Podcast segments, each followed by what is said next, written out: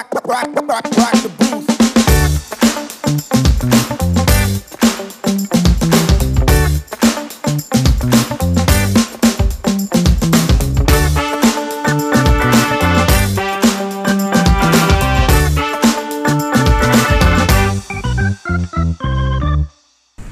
semuanya, kembali lagi bersama aku Ayubi di DDTC Potex, Making Tax Fun for Everyone.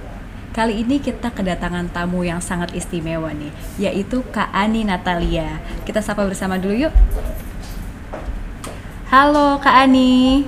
Halo Ayumi, apa kabar? Baik, baik Kak Ani. Gimana Kak Ani sendiri? Supaya semoga ini ya tetap sehat dan semangat ya Kak ya. Ya, sehat dan terus semangat. Karena kalau nggak Ya. semangat gimana nih? Kondisi kita semua lagi ada pelemahan, kita yang Betul. harus semangat. Oke, begitu ya kak ya supaya kita juga eh, harus tetap memberikan optimisme ya bagi eh, masyarakat Indonesia pada umumnya gitu ya kak ya. Luar biasa sekali nih eh, semangatnya dari Kak Ani. Nah sebelum kita berbincang banyak dengan Kak Ani, aku ingin izin menyampaikan sekilas dulu ya kak profil dari Kak Ani. Saat ini Kak Ani Natalia menjabat sebagai Kepala Subdirektorat Hubungan Masyarakat Perpajakan Direktorat P2 Humas Dirjen Pajak.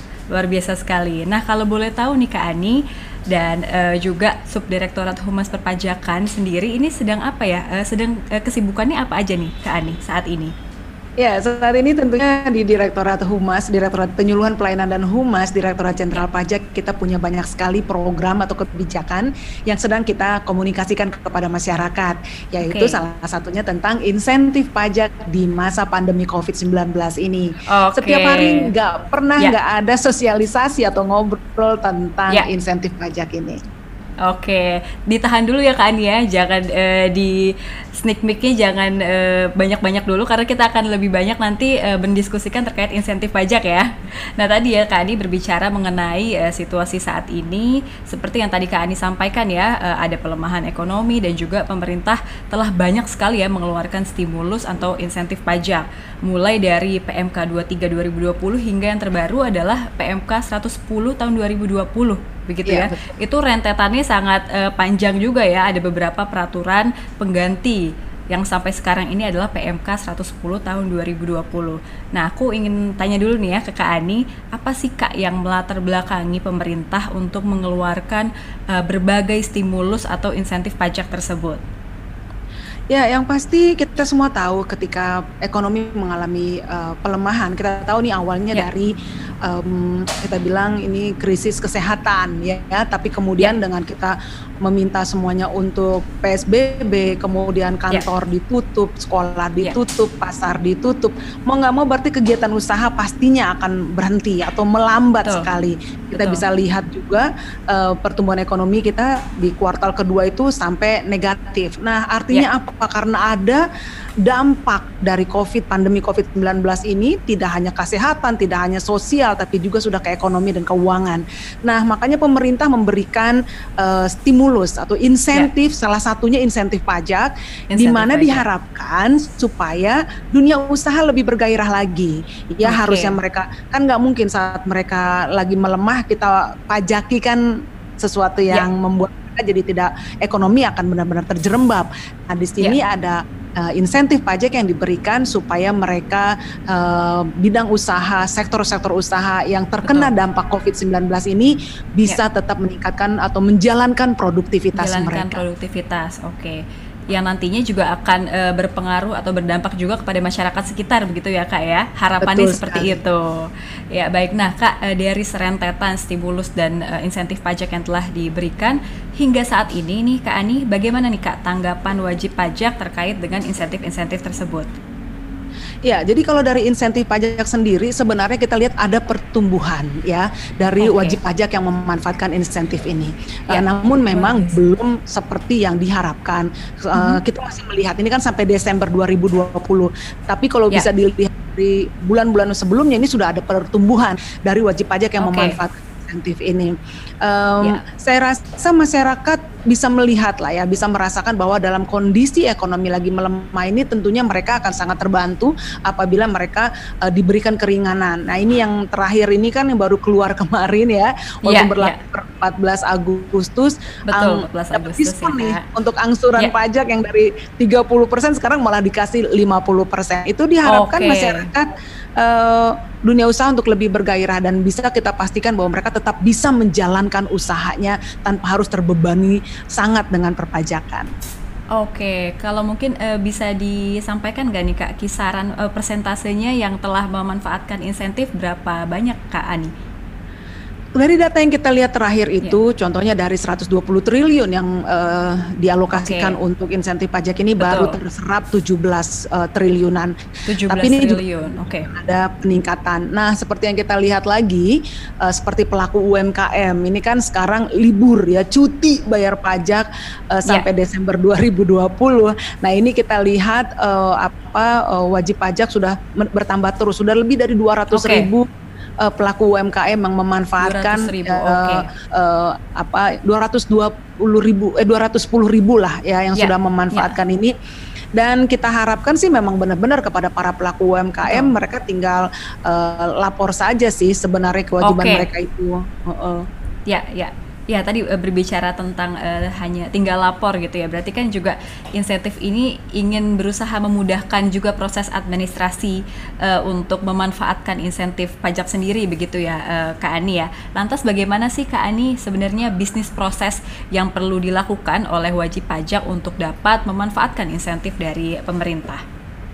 Caranya mudah banget sebenarnya eh, Ayumi. Gimana sih caranya untuk mendapatkan insentif Ya. pajak ini? Pasti banyak Betul. yang ingin tahu. Nah, caranya tuh gampang sekali. Tinggal masuk ke website www.pajak.go.id. Di situ Oke. ada setelah login ada klik layanan, tombol layanan, Ya. kemudian tinggal di scroll ke bawah sampai dicari insentif apa yang ingin dimanfaatkan. Itu tinggal klik saja. oke. Jadi semua prosesnya dilakukan secara online. Ini jadi mesin ketemu mesin.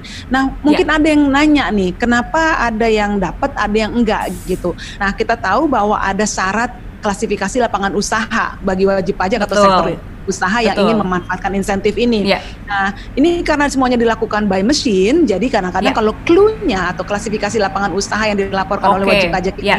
tidak termasuk dalam kebijakan insentif pajak ini maka otomatis akan tertolak. Tapi 97% ini semuanya dikabulkan karena ini adalah sifatnya Oke. insentif dan semua Betul. dilakukan secara online di pajak.go.id. Oke, jadi eh, luar biasa sekali ya. Ini sudah eh, one stop service di website eh, dari eh, DJP sendiri ya kak ya. Lalu Iya. juga, eh, eh, nah terkait dengan beberapa mungkin ada pertanyaan terkait eh, kok ini tidak dikabulkan atau apa. Nanti wajib pajak berarti memang harus lebih detail lagi ya kak ya melihat mungkin eh, klasifikasi lapangan usaha yang tertera di lampiran-lampiran Di eh, SPT PMK mereka. atau Iya. SPT juga ya atau SPT mereka seperti itu ya supaya bisa tadi eh, dikabulkan. Toh juga 97 persennya ya kak ya sudah Iya, dikabulkan. hampir semuanya ya? sebenarnya Oke. dikabulkan karena ini sifatnya Ya. insentif. Betul, oke luar biasa sekali. Nah, meskipun gitu ya, eh, ini berjalan dengan cukup eh, lancar, pasti ada kendala-kendala ya kak ya yang ditemukan dalam eh, pemanfaatan insentif pajak. Kira-kira apa kak secara umum tipologi kendala-kendalanya dan juga mungkin solusi apa yang ditawarkan oleh DJP? Ya, jadi kita sebenarnya sudah membuat eh, yang pertama eh, ketika kita tahu bahwa ada pandemi ini di bulan Maret, pemerintah Ya. langsung mengeluarkan PMK 23. Waktu itu cuma Betul. beberapa sektor industri yang terdampak. Tapi Ya. kemudian kita gercep tuh, gerak cepat begitu mengetahui bahwa dampaknya sudah ke mana-mana, Ya. PMK 44 keluar gitu kan, yang diperluas diperluas sektor yang bisa menerima atau mendapatkan insentif ya. Ini. Kemudian di PMK 86 kita perluas Mhm, lagi perluas dan juga ya. sederhanakan gitu ya. Dengan kata Ya. lain sebenarnya kita begitu melihat mendapatkan informasi bahwa sektor-sektor ini Oke. terdampak dan harus ditolong, pemerintah langsung gitu dari sektor perpajakan kita langsung memberikan insentif kita perluas sektor yang boleh memperoleh insentif pajak Ya. ini. Caranya juga disederhanakan yaitu tinggal pakai eh, login ke pajak.go.id gitu ya semuanya Oke. online nggak perlu ke kantor pajak Betul. ya Ya, itu juga ya. sudah dilakukan dan semua Hmm. kantor pajak juga melakukan sosialisasi eh, secara masif yang kita lakukan kepada wajib pajak untuk bisa memanfaatkan insentif perpajakan ini Betul. karena intinya sebenarnya Ya. adalah bahwa kita pengen Direktorat Jenderal Pajak ini pajak itu kan khas hasil atau buah dari transaksi ekonomi gitu. Jadi kalau Ya, transaksi betul. ekonominya tidak ada, tidak, Tidak ada. ada. yang bisa dipajakin gitu kan. Oke. Makanya Ya, kami Kak. coba memberitahukan kepada publik, kepada wajib pajak silahkan dimanfaatkan insentif ini. Yang penting usahanya jalan. Kalau Oke. usaha jalan, ekonomi sudah tumbuh, baru pajak bisa kita petik gitu. Kalau Petik, enggak kan betul. sulit. Nah ini yang perlu diketahui bersama sebenarnya Ya. oleh baik pelaku usaha maupun masyarakat untuk mengetahui bahwa insentif pajak ini eh, apa dimaksudkan untuk supaya perekonomian tumbuh. Kalau Ya. dibilang mungkin masih sebagian uh, ada yang belum tahu, mungkin juga karena semuanya dalam Oke. kondisi panik, ya kan? Ya. Panik, nggak tahu apa yang dilakukan. Yang pertama mungkin mereka harus melindungi usaha mereka, karyawan Betul. mereka dan segala Ya. macam. Maybe they need time gitu kan. Nah, tapi Ya. apalagi yang dilakukan oleh uh, Dijen Pajak atau pemerintah dalam hal ini Ya. setelah PMK itu ganti mulai Ya. uh, diskonnya diperluas kemudian seperti sekarang PMK 110 ini diskonnya dari 30 naik ke 50 itu mereka Hmm. benar-benar otomatis gitu loh. Kalau udah pernah Oh, oke. apply udah apply dari bulan Ap- Maret misalnya ya berarti otomatis dia naik sampai langsung 50 nggak perlu pakai bilang-bilang tidak perlu lagi. ada pengajuan kembali ya kak ya. Iya, Oke, oke, oke. eh, oke. sebenarnya benar-benar eh, dari sisi Direktorat Jenderal Pajak kita benar-benar sudah eh, mempermudah baik prosesnya, sektornya juga diperluas gitu, waktunya juga diperpanjang. Tadinya cuma sampai September, sekarang sudah sampai Ya. Desember. Semata-mata semua dilakukan adalah supaya ekonomi ini kita nggak terjerembab. Kita tahu Betul. ini sudah menurun, melemah, tapi kita pengen bangkit ya, Kak, bareng. ya. Nah, Ya. salah satunya melalui insentif pajak Ayumi. Oke, jadi memang eh, secara umum ya kendala-kendalanya terkait itu ya kak ya. Karena memang eh, ini situasi yang eh, luar biasa bisa dibilang eh, belum pernah eh, dirasakan sebelumnya. Sehingga memang ada kendala-kendala baik eh, di sisi kebijakan maupun teknis, namun juga eh, DJP dan pemerintah sendiri sudah berupaya eh, baik dari eh, sisi kebijakan maupun eh, hingga sisi implementasinya begitu ya kak ya. Untuk Betul. bisa eh, memudahkan wajib pajak. Baik. Nah eh, mungkin kak ini terakhir ya kak ya eh, rencana insentif pajak yang akan datang kira-kira apa saja sih Kak Ani?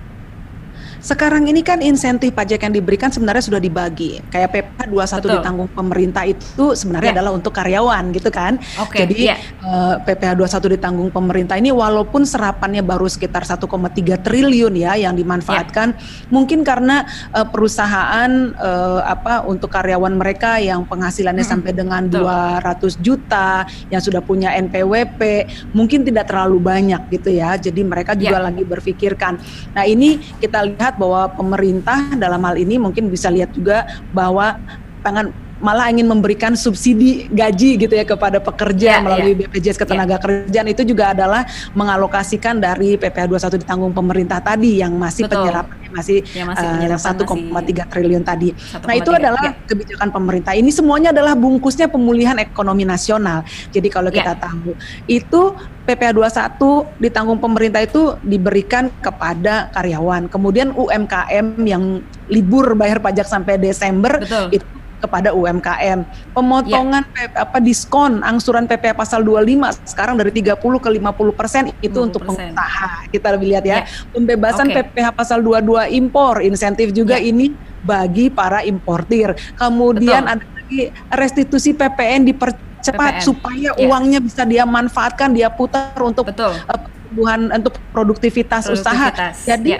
sudah dilakukan. Ini juga dimanfaatkan banyak oleh Oke. wajib pajak di Ayumi. Nah, selanjutnya lagi di PMK 110 ada lagi kan pemberian untuk konstruksi untuk program Betul. perencanaan irigasi gitu ya. Ya. Itu juga dilakukan karena itu kan padat karya. Pengennya Padat supaya eh, eh, kan menarik pe- pekerja banyak itu. Nah, jadi Betul. dikasihkan juga insentif untuk jasa konstruksinya ditanggung pemerintah. Jadi ini Ya. terus diperluas kalau saya lihat. Pemerintah Oke, tentunya baik. membuka telinga lebar-lebar untuk bisa melihat usaha maunya apa lagi nih supaya bisa Oke.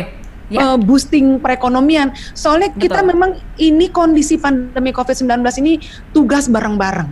Kita bareng-bareng baik yang pengusaha, baik pemerintah, baik lembaga swadaya masyarakat, baik media, semuanya harus bekerja Betul. sama gimana supaya Ya. ekonomi kita ini ada tren pertumbuhan, ekonomi tumbuh, kita bangkit bareng-bareng.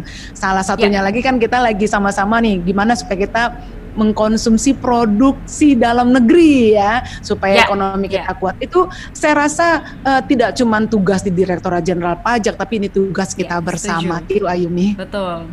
Oke, baik. Jadi memang eh, kita perlu memiliki sense of crisis yang sama begitu ya, Betul eh, Kak Ani ya, supaya Betul. juga kita tahu eh, pemerintah tahu kebutuhan dari masing-masing seperti pelaku usaha, UMKM dan karyawan seperti apa begitu dan juga nantinya eh, insentif atau stimulus yang eh, bisa dimanfaatkan itu benar-benar me- menj- ada dampak nega eh, positif begitu ya atau eh, berimplikasi positif. Oke. Wah, Kak Ani terima kasih banyak sudah eh, sudah 15 menit lebih nih sepertinya Kak Ani kita udah ngobrol secara seru banget.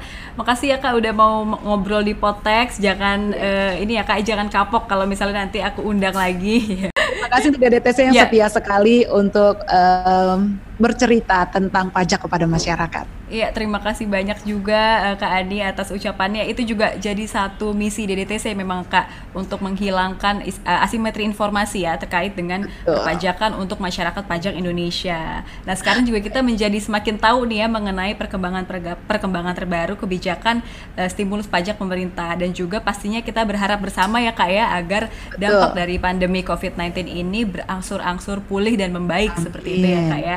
Terima kasih banyak sekali lagi. Sama-sama, Stay safe Kak. Ani dan keluarga serta juga jajaran eh, Dirjen Pajak. Sampai ketemu lagi ya Kak ya. Sampai ketemu lagi. Iya, oke. Nah, gimana nih eh, para pendengar dan viewers? Sangat menarik kan pastinya dan pasti banyak insight-insight baru juga nih yang bisa kita dapatkan. Jangan lupa untuk terus update berita-berita perpajakan di DDTC News dan juga dapat eh, kalian dapat mengirim komentar ke eh, sosial-sosial media DDTC yang ada di bawah ini. Terima kasih, sampai jumpa di episode selanjutnya. Ayumi pamit. Ciao.